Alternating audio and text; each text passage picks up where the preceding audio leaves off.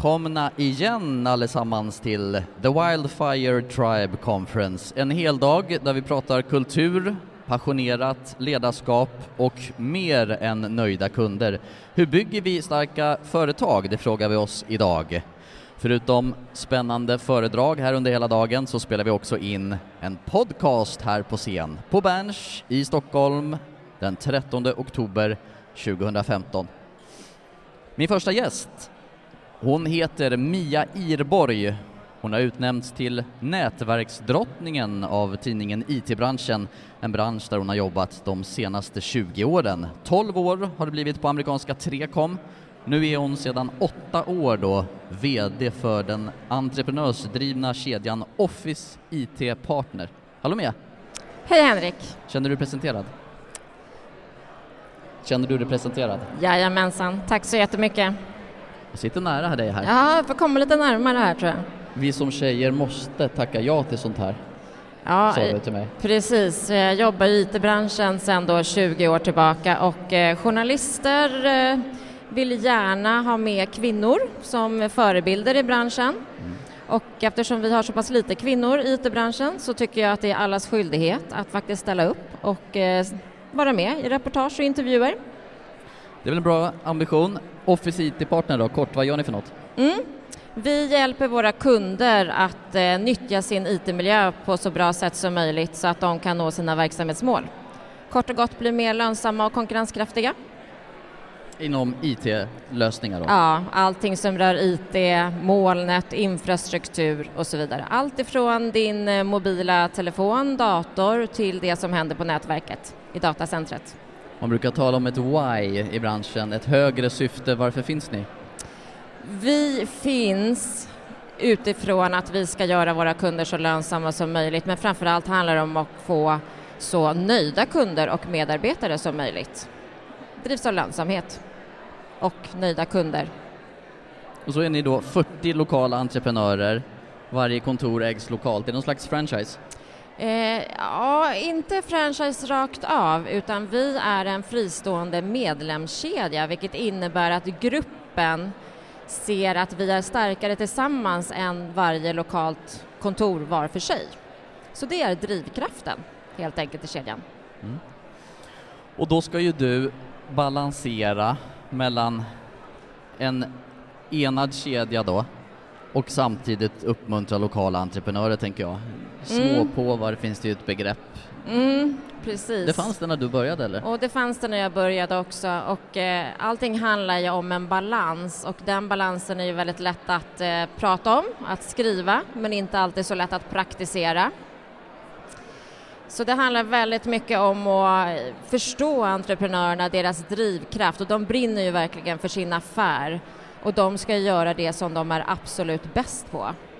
Och sen ska vi hjälpa dem att bli än bättre på den här resan. Finns småpåvarna kvar eller? Nej, de finns inte kvar. Mia-effekten? Eh, ja, jag vet inte om det var Mia-effekten eller inte, men det handlar ju väldigt mycket om att säkerställa att de ska göra det de är bäst på. Och hur konkret då? Hur får man dem att gå åt samma håll? Eh, man behöver vara väldigt tydlig, man behöver förstå vad de drivs utav. Man behöver också kunna påvisa hela tiden underifrån att vi är här för att hjälpa och stötta de här entreprenörerna så att vi kan få ut så mycket kraft som möjligt ifrån de verksamheterna. Eh, uthållighet är en bra egenskap, även att vara envis kan också vara en väldigt bra egenskap. Men att tydliggöra målet framför allt så att alla i gruppen gemensamt vet var man är på väg någonstans. Så man har en samsyn helt enkelt.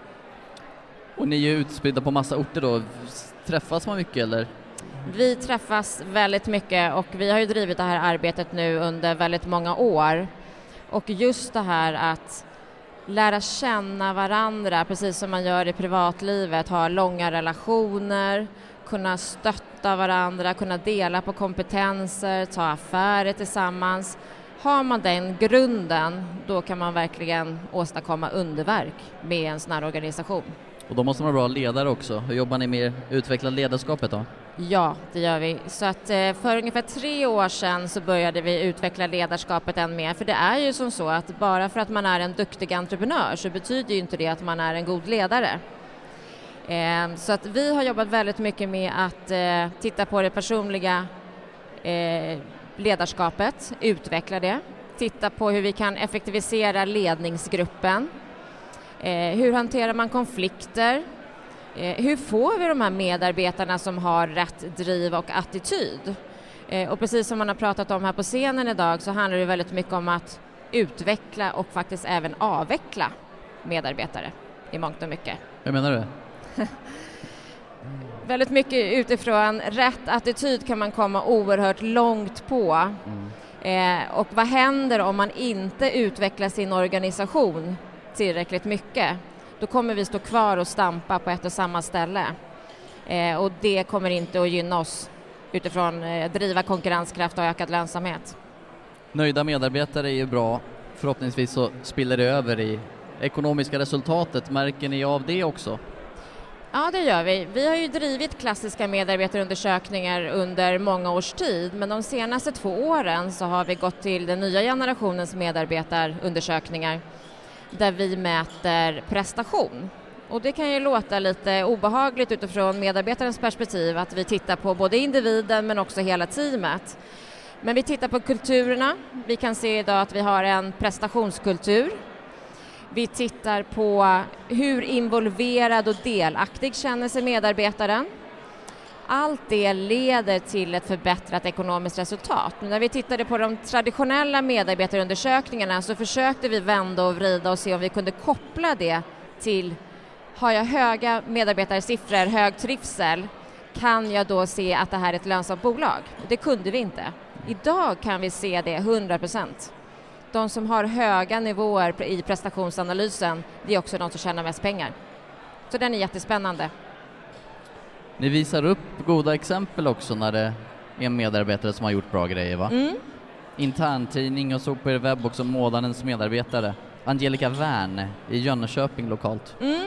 Vad är det med henne? Varför, står hon, varför får hon fronta detta? En, en fantastiskt driven och motiverad tjej, men framförallt så låter vi våra lokalkontor att eh, nominera duktiga medarbetare.